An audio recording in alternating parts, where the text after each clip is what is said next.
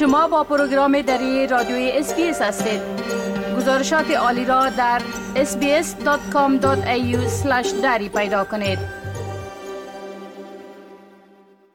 حال با جاوید روستاپور خبرنگار برنامه دری SBS برای جنوب آسیا.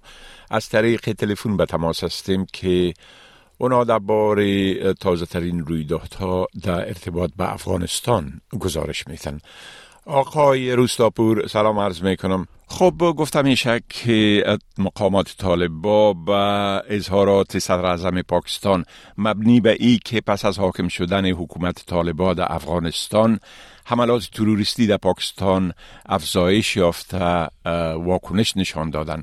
اگر لطفا اولتر از همه در ای باره صحبت بکنین. سلام وقت شما بخیر آقای که برای همون گونه که شما اشاره کردین انوار کاکر صدر موقت پاکستان در یک کنفرانس خبری گفت که پس از پیروزی طالبان در افغانستان حوادث تروریستی در پاکستان 60 درصد افزایش یافته.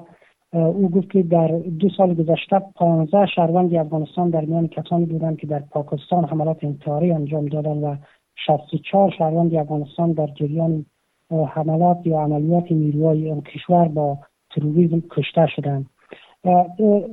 صدر پاکستان تاکید کرد که انتظار داشت که پس از تسلط طالبان در افغانستان علیه گروه های مخالف پاکستان و ویژه نیروهای تی اقدامات جدی صورت گیرد و مطلقا از خاک افغانستان علیه پاکستان استفاده نشود اما قضیه برد شد و عملات تی افزایش یافته است. در واکنش به این اظهارات سخنگوی طالبان گفت که پاکستان گفت که افغانستان مسئولیت تامین امنیت پاکستان را به عهده ندارد. و ولایت مجاهد در یک اعلامیه تاکید کرد که افزایش ناامنی در پاکستان پس از پیروزی طالبان در افغانستان دلیل نمی‌شد که این گروه پشت ناامنی در آن کشور قرار دارند او همچنان تاکید کرد که پاکستانی ها باید خودشان مشکلات داخلیشان حل کنند و طالبان مقصر اصلی ناکامی های حکومت پاکستان نیستند.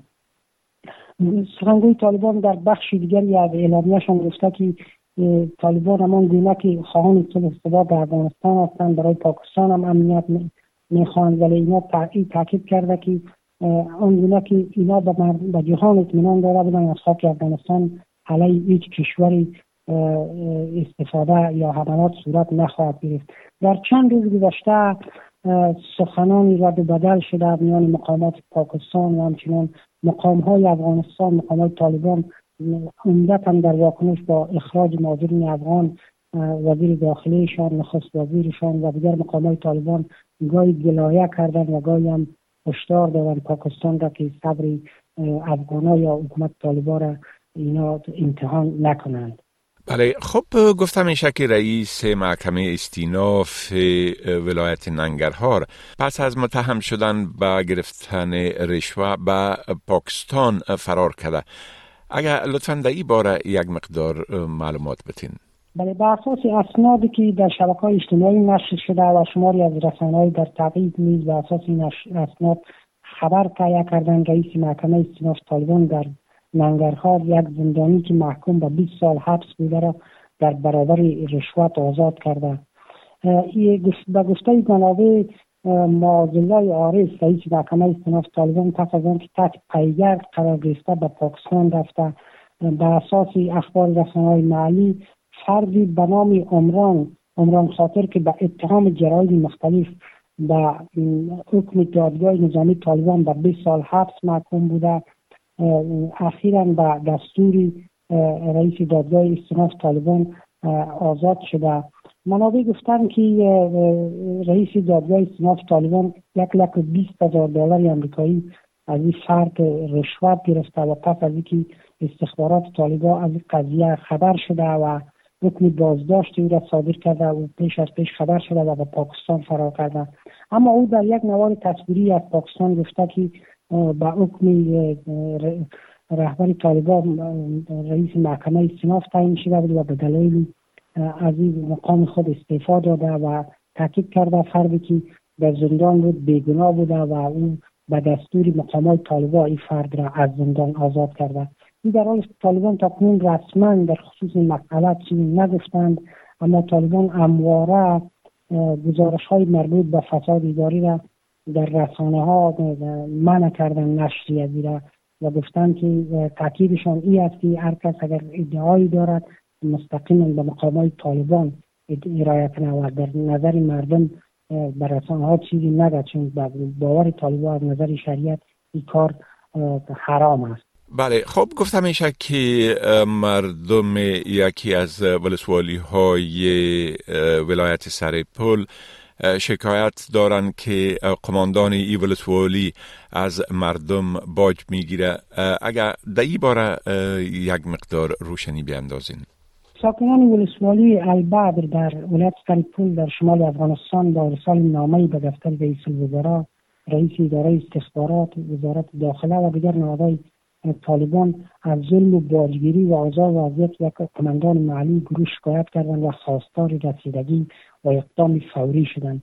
در این نامه که سه هزار خانواده ساکن در منطقه کاشان و اسیندان ولسوالی البدر امضا شده و به مقامات طالبان فرستاده شده. آمده که قماندان محلی طالبان به نام فیض رحمان زبیر البدری در ماه اخیر به بانه های مختلف.